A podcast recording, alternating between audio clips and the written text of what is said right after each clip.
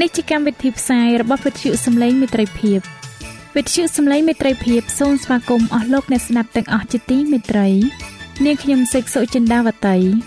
ហើយខ្ញុំបាទអង្ចាន់វិជ្ជៈក៏សូមស្វាគមន៍លោកអ្នកស្ដាប់ទាំងអស់ផងដែរនៅពេលនេះយើងខ្ញុំមានសេចក្តីសុំមនស្សរីករាយដោយបានវិលមកជួបអស់លោកអ្នកនាងកញ្ញាអ្នកស្ដាប់សាជាថ្មីម្ដងទៀត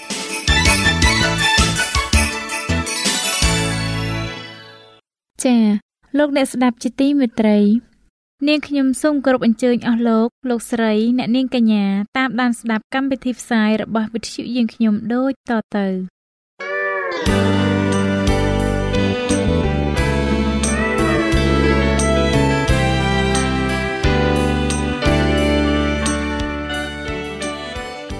ព្រះបន្ទូលសម្រាប់អ្នកនៅថ្ងៃនេះ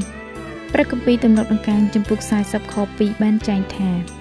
ទ្រង់បានស្រង់ខ្ញុំចេញពីអន្លង់គួស្ញាបឲ្យរួចពីភក់ស្អិតក៏ដាក់ជើងខ្ញុំលើថ្មដាព្រមទាំងតាំងចំហៀនខ្ញុំឲ្យខ្ជាប់ខ្ជួន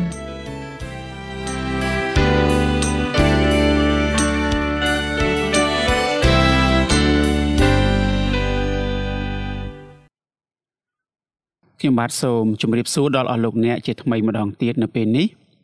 សូមស្វាគមន៍មកកាន់មេរៀនស្បាស្គូលប្រចាំសប្ដាហ៍ ហើយមេរៀនរបស់យើងសម្រាប់សប្តាហ៍នេះមានចំណងជើងថា ការក្រឡេកមើលសេចក្តីសញ្ញាក្នុងព្រះគម្ពីរប្រសិនបើលោកអ្នកមានបំណងចង់បានមេរៀននេះប្រើប្រាស់នៅលើទូរស័ព្ទដៃ Android របស់លោកអ្នកលោកអ្នកអាចទាញយកមេរៀននេះបានតាមរយៈ Play Store ដោយវាយពាក្យថាខ្មែរសបាស្គូលមុននឹងខ្ញុំបាទជម្រាបជូននៅខ្លឹមសារនៃមេរៀននេះ ខ្ញុំបាទសូមគោរពអញ្ជើញអស់លោកអ្នកបានពិចារណានៅចំណុចនិងសំណួរមួយចំនួនដែលតាក់ទងជាមួយនឹងមេរៀននេះជាមួយនឹងខ្ញុំបាទដូចតទៅតើសេចក្តីសញ្ញាដែលព្រះបានធ្វើជាមួយលោកណូអេលោកអាប់រ៉ាម លោកម៉ូសេនិងយើងរាល់គ្នាមានលក្ខណៈដូចគ្នាទៅនឹងសេចក្តីសញ្ញា ដែលទ្រង់បានធ្វើជាមួយនឹងលោកអាដាមដែរឬទេ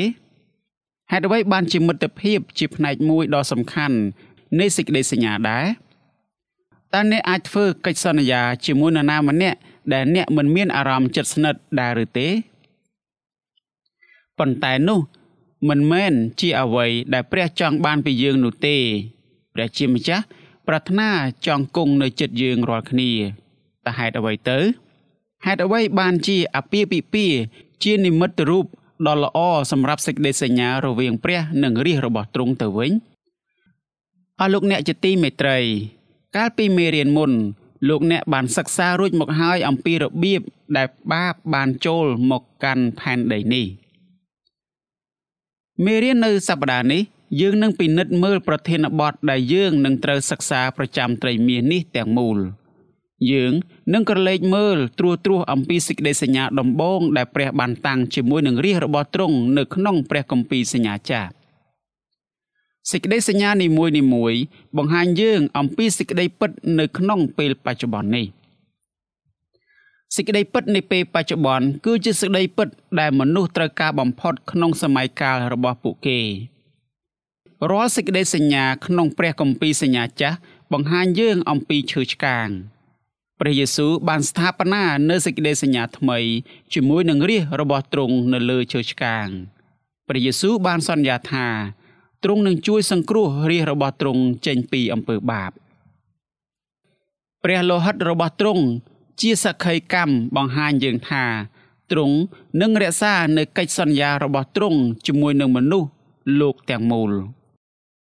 ក្នុងនាមជាគ្រីស្ទៀន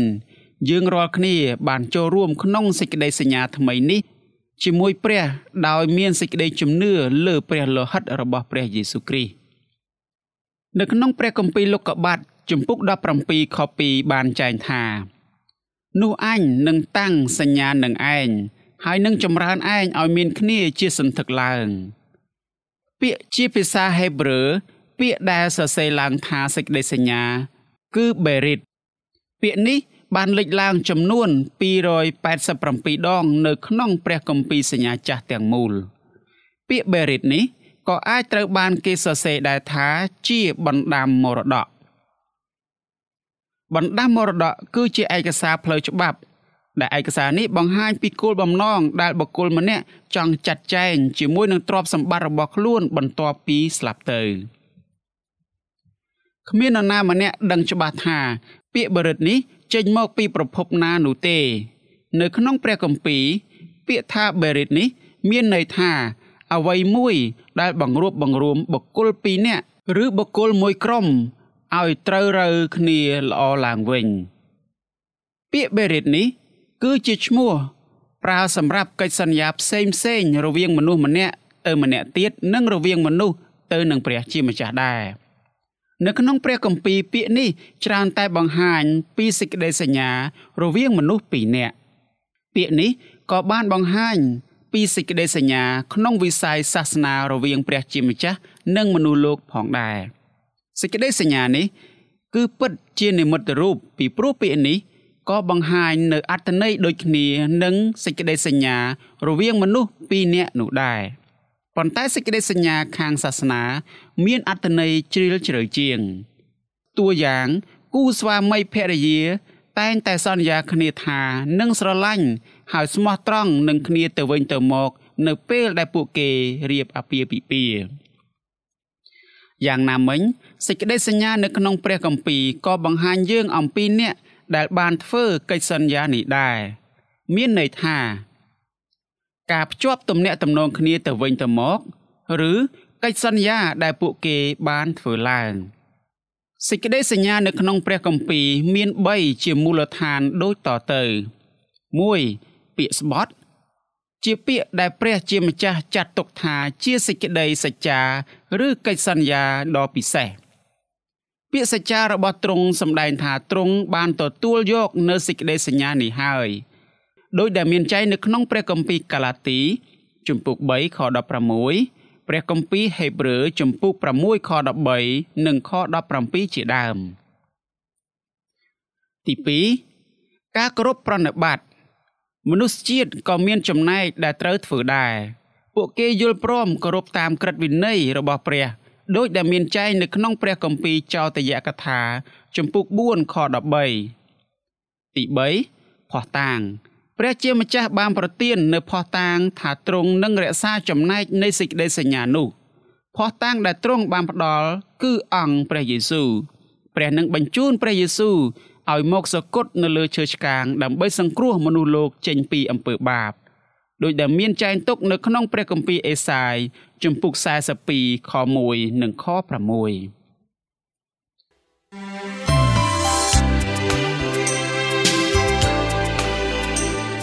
សេចក្តីជំនឿកើតឡើងដោយលឺហើយដែលលឺនោះគឺដោយសារព្រះបន្ទូលនៃព្រះតាមរយៈវិទ្យុសំឡេងមិត្តភាព AWR ស់លោកអ្នកជាទីមេត្រីនេះជាលើកដំបូងហើយដែលយើងបានឃើញពាក្យថាកិច្ចការតាំងសញ្ញា នៅក្នុងព្រះគម្ពីរពោលគឺនៅក្នុងខព្រះគម្ពីរលោកុបាតជំពូក6ខ18នេះឯងតើមានអ្វីកើតឡើងនៅក្នុងជំពូកនេះព្រះជាម្ចាស់បានមានបន្ទូលប្រាប់ដល់លោកណូអេថាទ្រង់នឹងបំផ្លាញផែនដីនេះចេញដោយសារតែអំពើបាបដ៏សម្បើមរបស់វា ប៉ុន្តែព្រះជាម្ចាស់នឹងមិនបោះបង់ពូជពងរបស់មនុស្សចោលនោះឡើយព្រះអង្គបានប្រទានឱកាសដល់លោកណូអេក្នុងការទទួលយកសេចក្តីសញ្ញាដ៏ពិសេសជាមួយនឹងទ្រង់នេះព្រះអង្គក៏បានប្រទានឱកាសដល់លោកអដាមដូចគ្នាបន្ទាប់ពីលោកបានធ្វើបាបនោះដែរទ្រង់ក៏បានសន្យាថានឹងការពារគ្រួសាររបស់លោកណូអេដែលព្រមចងមេត្រីនិងស្ដាប់បង្គាប់ដល់ទ្រង់ដែរតើព្រះជាម្ចាស់ ទ្រង់នឹងធ្វើកិច្ចការទាំងអស់នៅក្នុងសេចក្តីសញ្ញានេះទេសូមលោកអ្នកចងចាំថា ការតាំងសេចក្តីសញ្ញាមួយនៅក្នុងគម្ពីរតែងតែមានភាគីចាប់ពី2ឡើងទៅតើមានលក្ខណៈអ្វីខ្លះដែលលោកណូអេត្រូវធ្វើតើយើងអាចទាញនៅមេរៀនអ្វីចេញពីចម្លើយនេះបានអស់លោកអ្នកជាទីមេត្រី ព្រះបានមានបន្ទូលប្រាប់លោកណូអេថាទ្រង់ នឹងបណ្ដាលឲ្យមានទឹកជំនន់ជន់ឡើងផែនដីនឹងត្រូវបំផ្លាញចោលប៉ុន្តែព្រះបានធ្វើសេចក្តីសញ្ញាជាមួយលោកណូអេជាមុនដោយសន្យាថានឹងជួយសង្គ្រោះលោកណូអេនិងក្រុមគ្រួសាររបស់លោកឲ្យរួចពីសេចក្តីស្លាប់យ៉ាងណាមិញលោកណូអេនឹងប្រឈមជាមួយនឹងហានិភ័យដ៏ធំក្នុងការទុកចិត្តព្រះចុះ វានឹងទៅជាយ៉ាងណាប្រសិនបើព្រះមិនរក្សាកិច្ចសន្យារបស់ទ្រង់នោះ បើអញ្ចឹងមែនអ្វីអ្វីគ្រប់យ៉ាងដែលលោកណូអេខំធ្វើក្នុងការជួយសង្គ្រោះខ្លួននិងក្រុមគ្រួសាររបស់លោកនឹងទៅជាអាសាឥតការតទេពួកគេទាំងអស់គ្នានឹងត្រូវស្លាប់ដោយសារទឹកជំនន់ជាមួយនឹងប្រជាជនដទៃទៀតនៅលើផែនដី ដែលបានប្រព្រឹត្តអំពើបាបដ៏ជោជន់ព្រះជាម្ចាស់ទ្រង់មានព្រះបន្ទូលថា ទ្រង់នឹងធ្វើសេចក្តីសញ្ញាជាមួយនឹងណូអេពាក្យថាកិច្ចព្រមព្រៀងពិសេសសម្ដែងឲ្យយើងដឹងថា អ្នកដែលសន្យានឹងមិនលេបសម្ដីខ្លួនឡើយដូច្នេះហើយកិច្ចព្រមព្រៀងពិសេសមិនមែនជាការសន្យាតទេនោះឡើយពាក្យថាសេចក្តីសញ្ញាពិសេសបង្ហាញយើងថាព្រះនឹងសម្រេចនៅអ្វីដែលទ្រង់មានបន្ទូលមកចុះវានឹងទៅជាយ៉ាងណា ប្រសិនបើកិច្ចព្រមព្រៀងពិសេសនេះ មិនមានអត្តន័យដ៏ជ្រាលជ្រៅចំពោះអ្នកដែលធ្វើតាមការសន្យារបស់ខ្លួននោះតើវានឹងផ្លាស់ប្ដូរនៅអ្វីដែលព្រះមានបន្ទូលទៅកាន់លោកណូអេនៅក្នុងព្រះគម្ពីរលោកុបាតជំពូក6ខ18នោះយ៉ាងណាទៅវិញតើវានឹងផ្លាស់ប្ដូរពាក្យពេចន៍របស់ទ្រង់ជាច្រើនមែនទេ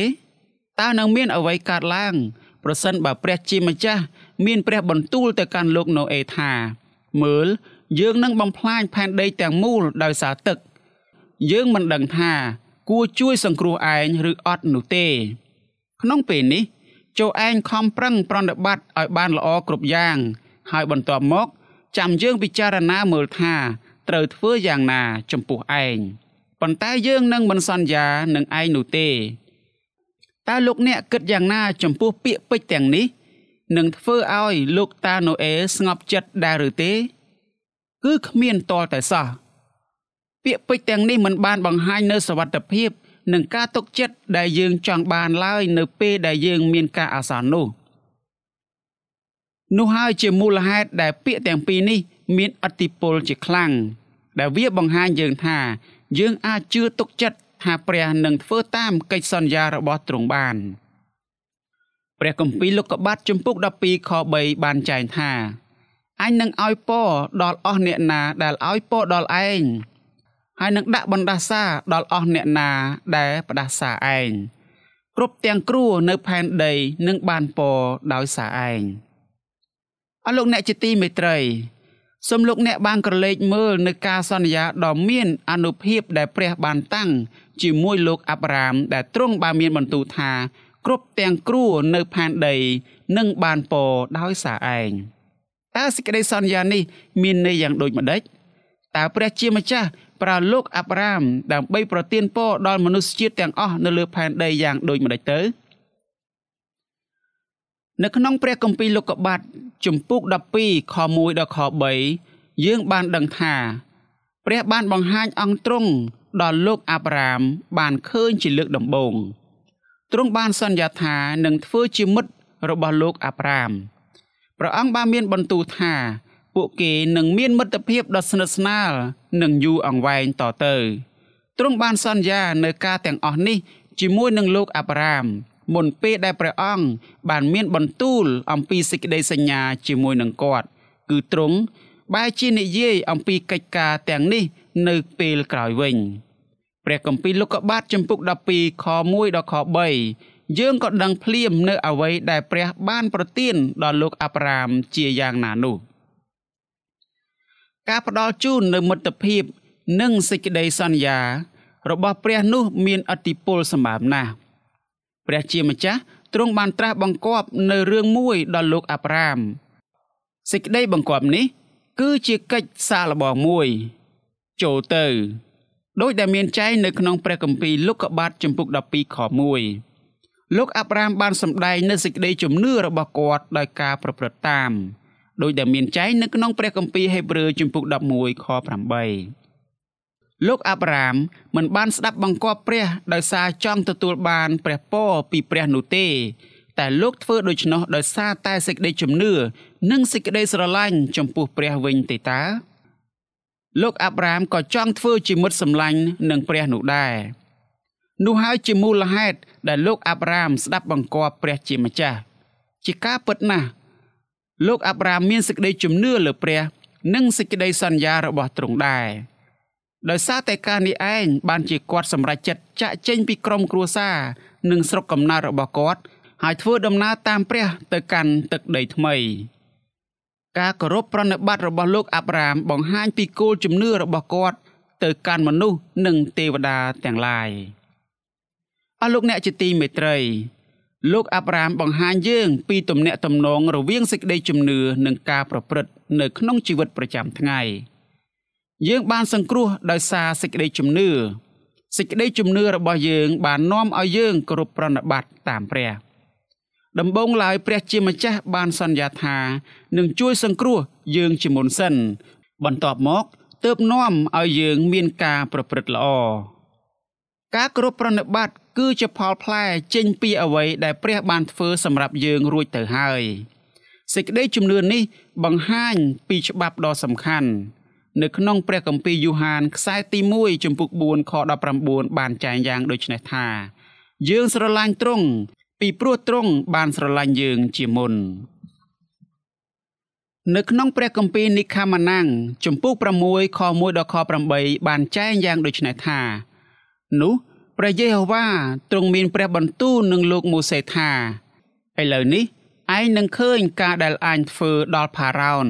ត្បិតដោយដៃខ្លាំងពូកែនោះអញនឹងឲ្យរះអញចេញទៅ ហើយដោយដៃខ្លាំងពូកែផារ៉ោននឹងបណ្ដេញគេចេញពីស្រុកទៅផងព្រះទ្រង់ក៏មានព្រះបន្ទូលទៅម៉ូសេទៀតថាអញជាព្រះយេហូវ៉ាអញបានលេចមកឯអាប់រ៉ាហាំអ៊ីសាហើយនិងយ៉ាកុប សម្ដែងចេញជាព្រះដ៏មានគ្រប់ព្រះចេស្តាប៉ុន្តែគេមិនបានស្គាល់អញដោយនាមជា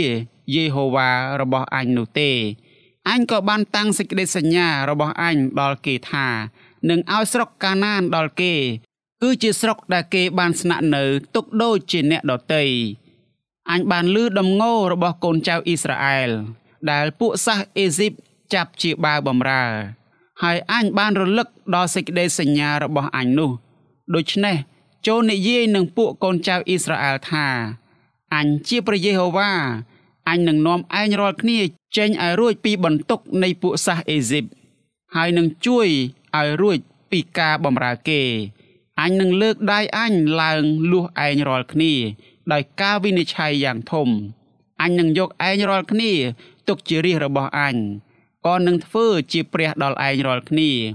នោះឯងនឹងបានដឹងថាអញនេះជាយេហូវ៉ា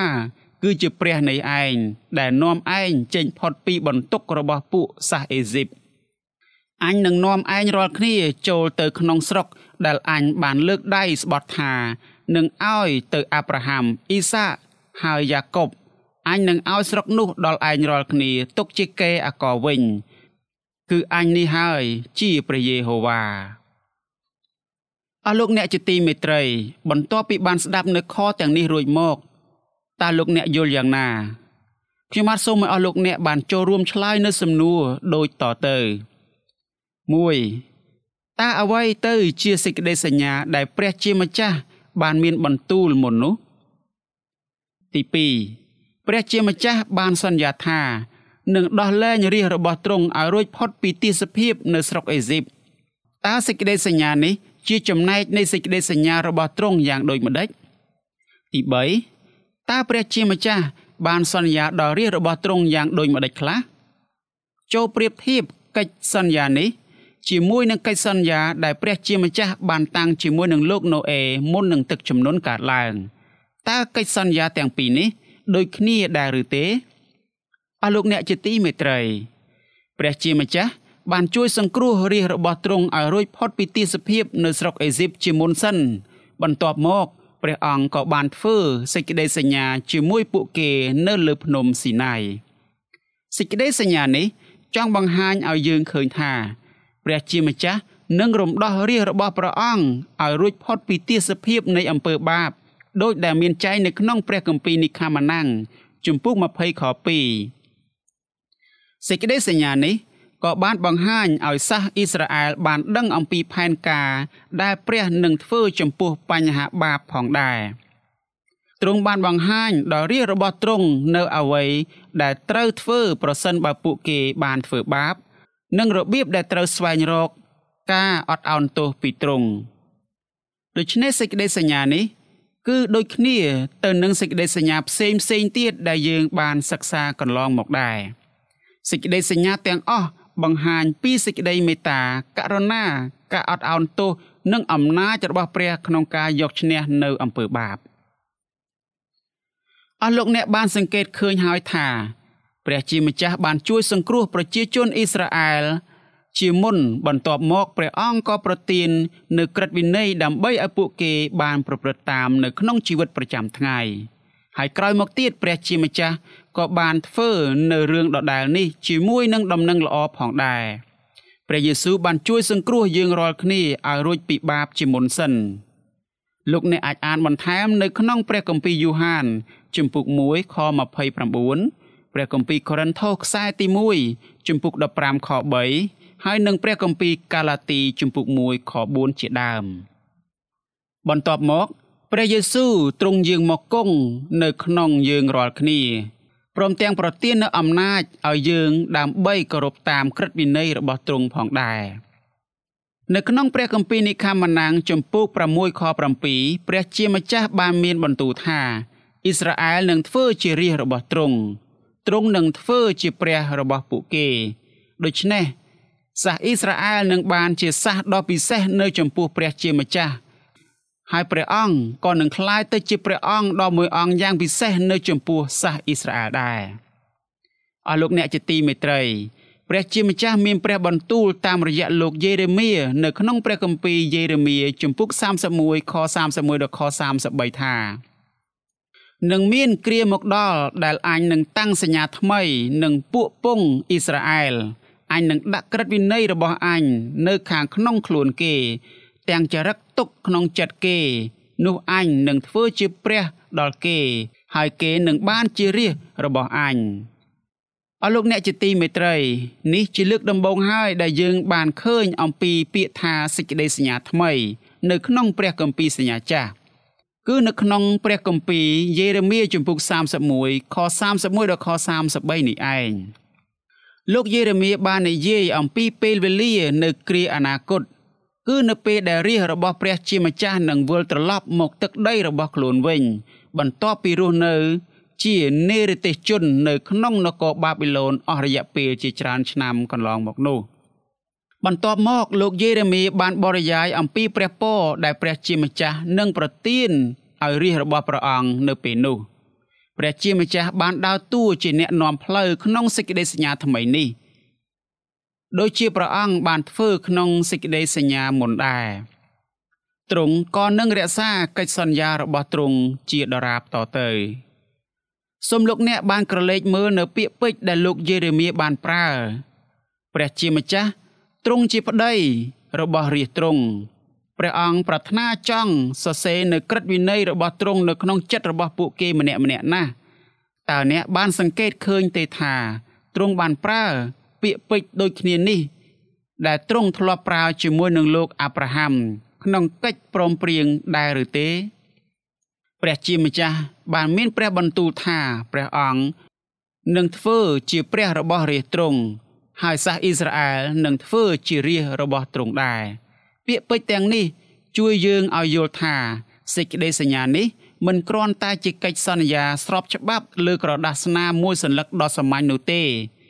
តែវាគឺជាអ្វីដែលអស្ចារ្យជាងនោះទៅទៀតនៅក្នុងព្រះគម្ពីរយេរេមៀជំពូក31ខ31ដល់ខ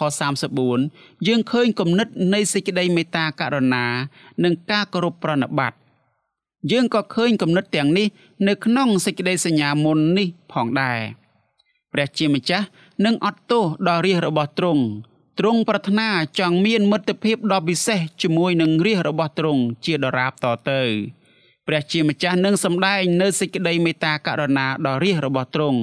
ហើយពួកគេនឹងគោរពទ្រង់ដោយសារអំណោយទានទាំងនេះដែររាជរបស់ទ្រង់មិនមែនគោរពប្រណិប័តទ្រង់ដូចជាមនុស្សយន្តដែលមិនចេះគិត ឬមានអារម្មណ៍នោះឡើយពួកគេគោរពប្រណិប័តនិងស្ដាប់បង្គាប់ទ្រង់ដោយសារពួកគេស្គាល់ទ្រង់ស្រឡាញ់ទ្រង់និងចង់បម្រើទ្រង់នៅក្នុងជីវិតរស់នៅប្រចាំថ្ងៃគំនិតនេះ ជួយឲ្យយើងយល់អំពីទំនាក់ទំនងផ្លូវចិត្តយ៉ាងពិសេសដែលព្រះជាម្ចាស់ទ្រង់ប្រាថ្នាចង់ឲ្យរាជរបស់ទ្រង់មានជាមួយនឹងព្រះអង្គអស់លោកអ្នកជាទីមេត្រីក្រឹតវិន័យរបស់ព្រះជាម្ចាស់បង្ហាញយើង អំពីកតបកិច្ចរបស់យើងរាល់គ្នាក្រឹតវិន័យរបស់ទ្រង់គឺជាសេចក្តីស្រឡាញ់ព្រះជាម្ចាស់បានបង្រៀនក្រឹតវិន័យនៃសេចក្តីស្រឡាញ់របស់ទ្រង់ដល់លោកអាដាមនិងនាងអេវ៉ានៅក្នុងសួនច្បារអេដែន ក្រោយមកព្រះជាម្ចាស់បានប្រកាសនៅក្រឹតវិន័យនៃសេចក្តីស្រឡាញ់របស់ទ្រង់ដល់រាជរបស់ព្រះអង្គជាថ្មីម្ដងទៀតនៅលើភ្នំស៊ីណាយក្រឹតវិន័យនៃសេចក្តីស្រឡាញ់នេះ គឺជាផ្នែកមួយនៃសេចក្តីសញ្ញាថ្មីព្រះជាម្ចាស់ចង់សរសេរក្រឹតវិន័យរបស់ទ្រង់នៅក្នុងចិត្តរបស់យើងរាល់គ្នា ហើយក្រឹតវិន័យនេះ បង្ហាញពីផែនការរបស់ព្រះជាម្ចាស់ដល់មនុស្សលោកដើម្បីឲ្យទទួលបាននូវជីវិតអកល ចុះប្រសិនបើព្រះជាម្ចាស់ទុកឲ្យយើងរាល់គ្នាធ្វើការសម្រេចចិត្តដោយខ្លួនឯងវិញនោះតើយើងនឹងគួរធ្វើយ៉ាងដូចម្តេចទៅនោះអរិយសាតាំងនឹងមកគ្រប់គ្រងលើយើង យើងនឹងក្លាយជាបុគ្គលម្នាក់ដែលមានចិត្តដូចជាសាតាំងដែរនោះហើយជាមូលហេតុដែលព្រះបានត្រាស់បង្គាប់ឲ្យយើងរាល់គ្នាមកបម្រើទ្រង់ព្រោះទ្រង់មានផែនការដ៏ល្អសម្រាប់ជីវិតរបស់យើងរាល់គ្នា យើងនឹងក្លាយជាមនុស្សល្អតាមរយៈផែនការនោះព្រះជាម្ចាស់ប្រាថ្នាចង់ឲ្យយើងម្នាក់ម្នាក់ក្លាយជាអ្នកបម្រើទ្រង់ដែលប្រកបដោយប្រាជ្ញា និងភាពអត់ធ្មត់ក្នុងពន្ធកិច្ចដែលទ្រង់ប្រទានឲ្យយើងព្រះយេស៊ូវបានបង្ហាញយើងនៅគំរូដែលយើងគួរប្រព្រឹត្តនៅពេលដែលទ្រង់យាងមកនៅលើផែនដីនេះព្រះអង្គបានមានបន្ទូលនៅក្នុងព្រះគម្ពីរទំនុកដំកើងជំពូក40ខ8ថាអោព្រះនៃទូលបង្គំអើយ ទូលបង្គំមានសេចក្តីអំណរនិងធ្វើតាមព្រះハរតីទ្រង់អើក្រឹតវិន័យរបស់ទ្រង់ក៏នៅក្នុងចិត្តទូលបង្គំរីឯនៅក្នុងព្រះគម្ពីរយូហានជំពូក6ខ38ក៏បានចែងយ៉ាងដូចនេះដែរថាពីព្រោះខ្ញុំបានចុះពីស្ថានសួគ៌មក មិនមែននឹងធ្វើតាមចិត្តខ្ញុំទេ គឺតាមបំណងព្រះハរតីនៃព្រះវិញ ដែលទ្រង់ចាត់ឲ្យខ្ញុំមកអស់លោកអ្នកជាទីមេត្រី ព្រះយេស៊ូវបានយាងមកនៅលើផែនដីនេះពីព្រោះទ្រង់ស្រឡាញ់ដល់ព្រះវរបិតានិងមនុស្សលោកដែលមានបាបព្រះយេស៊ូវក៏បានយាងមកទីនេះព្រោះតែព្រះអង្គចង់សម្ដែងនៅការគោរពនិងលើកសរសើរដំកើងដល់សេរីរុងរឿងរបស់ព្រះជាម្ចាស់នៃនគរស្ថានសួគ៌នោះហើយជាមូលហេតុដែលព្រះយេស៊ូវបានរងទុក្ខនិងសុគតនៅលើឈើឆ្កាងសេចក្តីស្រឡាញ់ចំពោះព្រះវរបិតានិងមនុស្សជាតិបានពោពេញ លើអវ័យអវ័យទាំងអស់ដែលទ្រង់បានធ្វើព្រះយេស៊ូវបានអំពាវនាវឲ្យយើងបើកចិត្តឲ្យសេចក្តីស្រឡាញ់តែមួយនេះគ្រប់គ្រងលើជីវិតរបស់យើងទាំងអស់គ្នាដែរអស់លោកអ្នកជាទីមេត្រីសូមព្រះជាម្ចាស់ប្រទានព្រះគុណនិងសេចក្តីសុខសាន្តដល់អស់លោកអ្នកទាំងអស់គ្នា